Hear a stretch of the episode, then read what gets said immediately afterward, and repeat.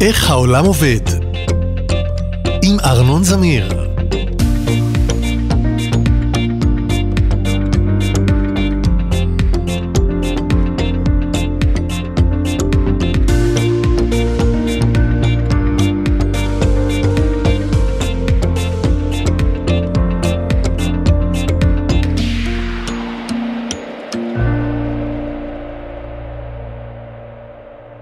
איך מגיעים לחצור הגלילית? איפה יש חנות צעצועים קרובה? מה השם האמיתי של סטטיק? איך מכינים כרוב כבוש? באיזו שעה התקיימה הכרזת העצמאות? כמה זה 180 כפול 4? ואיך מגדלים גזר גמדי? לא, זו לא רשימת הפרקים בעונה הבאה של איך העולם עובד. זו רשימה אחרת לחלוטין, רשימת השאלות ששאלתי מנועי חיפוש באינטרנט, וזה רק מהשעות האחרונות. גוגל או בינג ויש עוד כמה, מנועי החיפוש הם המקום שבו אנחנו מתחילים למצוא תשובות בתכלס כמעט לכל דבר. האינטרנט הוא ענקי, יש בו מיליארדי אתרים ובכל דקה מתווספים כמה מאות אתרים נוספים. זה אומר שיש שם המון מידע ושכמעט כל מה שארצה לשאול אפשר למצוא שם. השאלה היא רק, איך? אם נחשוב על זה כמו על ספרייה, אילו היה האינטרנט ספרייה פיזית שבה כל שורת טקסט כתובה באיזשהו ספר, והספר מונח על מדף, הספרייה הזאת הייתה הרבה יותר גדולה ממדינת ישראל. כך שאם אני בתל אביב והתשובה על השאלה מה השם האמיתי של סטטיק נמצאת בספר בעכו, יהיה לי קשה מאוד למצוא אותה. אבל אם אני מקליד שאלה בשורת החיפוש ולוחץ על מקש האנטר, אני מקבל תשובה תוך פחות משנייה. בדרך כלל לא תשובה אחת, אלא כמה עשרות אפשרויות. איך מנועי החיפוש עושים את זה? How? קודם כל כדאי להבין מה הם מנועי החיפוש. מנועי חיפוש כמו גוגל הם אתרים בעצמם, והם נותנים למשתמש להקליד שאלה כמו איך מגדלים גזר גמדי. התוכנה של האתר מריצה את החיפוש ומחזירה לי תשובות ממש ממש מהר. בזמן שאני מקליד מנוע חיפוש לא באמת מחפש באינטרנט. מכיוון שהאינטרנט כל כך גדול, זה היה לוקח המון המון זמן. במקום זה, החיפוש נעשה באינדקס, טבלה גדולה שיש בה רשימה של כל האתרים באינטרנט. טוב, כמעט כל האתרים באינטרנט. לא רק זה, הטבלה מכילה גם את האתרים עצמם, את התוכן שלהם, את כל התמונות שיש בהם, ואפילו תיאור של מה שיש בתמונות, ועוד הרבה הרבה מידע על כל אתר. למעשה, השרתים של מנוע החיפוש כוללים עותק של כמעט כל האינטרנט, אבל מסודר יותר מהאינטרנט עצמו המקורי. מנוע החיפוש פותח את הטבלה שלו, הוא מחפש שם את התשובה לשאלה שלי. אבל מאיפה יש לו את הטבלה? את הטבלה מייצרת תוכנה אחרת שנקראת קרולר, זחלן. זו תוכנה שזוחלת באינטרנט ללא הרף. היא זוחלת כשאני מחפש והיא זוחלת כשאני לא מחפש. היא זוחלת בימים וזוחלת בלילות, היא זוחלת בשמש וזוחלת בגשם, היא זוחלת בקיץ, היא זוחלת בחורף, היא זוחלת בסתיו, היא זוחלת באביב, היא זוחלת... טוב, די. הנקודה היא שהזחילה באינטרנט היא המפתח למנוע החיפוש כולו.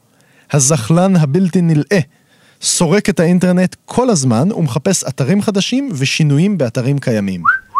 את כל המידע שיש לו על האתרים הוא שומר בטבלה גדולה, וגם כותב מתי הם השתנו, מתי הוא מצא אותם, ואיזה אתר מחובר לאיזה אתר אחר, ועוד כל מיני דברים כאלה. זה נותן לזחלן גם את האפשרות ליצור רשימה של כל האתרים, וגם לסדר אותה לפי א'-ב'. זה מה שמאפשר לחיפוש לעבוד כל כך מהר. תארו לכם שאתם נכנסים לספרייה ורוצים למצוא את יומנו של חנון, כרך א'. אם הספרייה היא רק בלגן גדול של ספרים בערימה, אתם תצטרכו לעבור ספר אחר ספר וזה ייקח לכם את כל היום. אם המדפים בספרייה מסודרים לפי א'-ב', מהדלת אתם הולכים ישר למדף של האות י', ומשם זה עניין של כמה שניות. מנוע החיפוש פונה אל הטבלה ומחפש את המילים שמופיעות בשאלה שלי. איך מגדלים גזר וגמדי. דבר ראשון, הוא שולף את כל העמודים באינטרנט שיש בהם את המילים האלה. אבל זה לא כל כך פשוט. יש עמודים שבהם עלולה להופיע מילה זהה, אבל בהקשר אחר. למשל, גזר ולא גזר. לכל מנוע חיפוש יש אלגוריתם, שיטה, שבעזרתו הוא מנסה לנחש למה התכוונתי בחיפוש. למשל, אם הרבה מהאתרים שנמצאו מכילים מידע על ירקות, אפשר להניח שהכוונה הייתה לגזר, לא גזר. גם המילה מגדלים רומזת למנוע חיפוש שאתרים שעוסקים בחקלאות עשויים להכיל את התשובה, ולא למשל אתרים שעוסקים במלאכת יד, כמו גזירה. לכם, אני מניח, החשיבה הזאת פשוטה מאוד. גזר הוא ירק, ולכן אתרים שיש בהם מידע על פטרוזיליה או על לפת, או אלוהים אדירים, על כרובית, הם המקום לחפש את התשובה. אבל בשביל מחשב, זו פעולה מסובכת להפליא. היכולת לא רק לזהות את המילה, אלא גם לשייך אותה לקטגוריה. ירקות, מאכלים, דברים בצבע כתום, הייתה שמורה עד לא מזמן לבני אדם בלבד. כשמנועי החיפוש הצליחו לעשות את זה באופן מדויק, האנושות קיבלה פעם ראשונה הצצה לעולם של אינטליגנציה מלאכותית, עולם שבו מחשבים חושבים. Mm. אחרי שמצאנו את כל העמודים שבהם מילות החיפוש שלי מופיעות, עדיין מלאכה רבה לפנינו. השאלה הבאה היא עד כמה אפשר לסמוך על התוצאות שגוגל או מנוע חיפוש אחר הציג לי. באינטרנט כל אחד יכול לכתוב מה שהוא רוצה, בין אם מדובר במכון החקלאי הלאומי, או בחוואי גדעון מביצרון שמגדל אפרסמון, שלא יודע הרבה על גזר גמדי, אבל הוא ראה על זה פעם סרט. על כל שאלה שאני אשאל את מנוע החיפוש אני אוכל לקבל די הרבה תשובות, וחלק גדול מהם יהיה פשוט לא נכון. גוגל כמובן לא יודע הכל. הוא לא יודע איזו תשובה נכונה ואיזה לא נכונה, אבל הוא יכול לנסות לנחש. לכן פועל פה עוד אלגוריתם, כזה שמסדר את תוצאות החיפוש ומנסה לנחש איזה מהאתרים איכותי יותר. אחת הדרכים הכי מעניינות לעשות את זה היא לדרג אתרים לפי מספר האתרים האחרים שמפנים אליהם. זה כמו לבחור ספר שהרבה אנשים כבר המליצו עליו. אם הרבה אתרים מפנים אל האתר שלי, זה עשוי להעיד על כך שהוא אתר ברמה גבוהה, שהמידע בו מהימן, והוא מעניין, והוא מסודר. אגב, יש שאלות שלגביהן גם הזהות של השואל חשובה. למשל, נגיד שאני מקליט במנוע החיפוש, איפה קונים גזר גמדי. גוגל אמנם יודע על המון חנויות נהדרות לגזר גמדי בניו זילנד, אבל זה לא מעניין אותי כי אני בגדרה. יותר מזה, זה רק יבלבל אותי. לכן, לא כל מי ששואל את השאלה הזאת יקבל את אותה תשובה. מנוע החיפוש יוסיף לאלגוריתם גם את המיקום שלי, ואולי אפילו את השמות של המקומות שבהם קניתי בעבר ירקות בגודל מוזר. כל זה כדי להעלות את הסבירות שהתשובה שאקבל לא רק עונה על השאלה, אלא גם עוזרת לי באופן אישי. אחרי כל זה, מנוע החיפוש שולח את התוצאות אל המחשב שלי ומציג אותן ברשימה.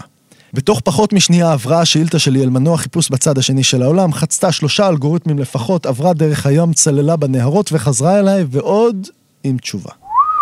אגב, גזר גמדי לא מגדלים. לוקחים גזר רגיל, מקלפים אותו ומשחיזים אותו עם מין מחדד גדול כזה, עד שמתקבלת צורה של גזר, אבל יותר נמוך ורזה וקטן. אה, גמדי, נו. לא מאמינים לי. חפשו בגוגל.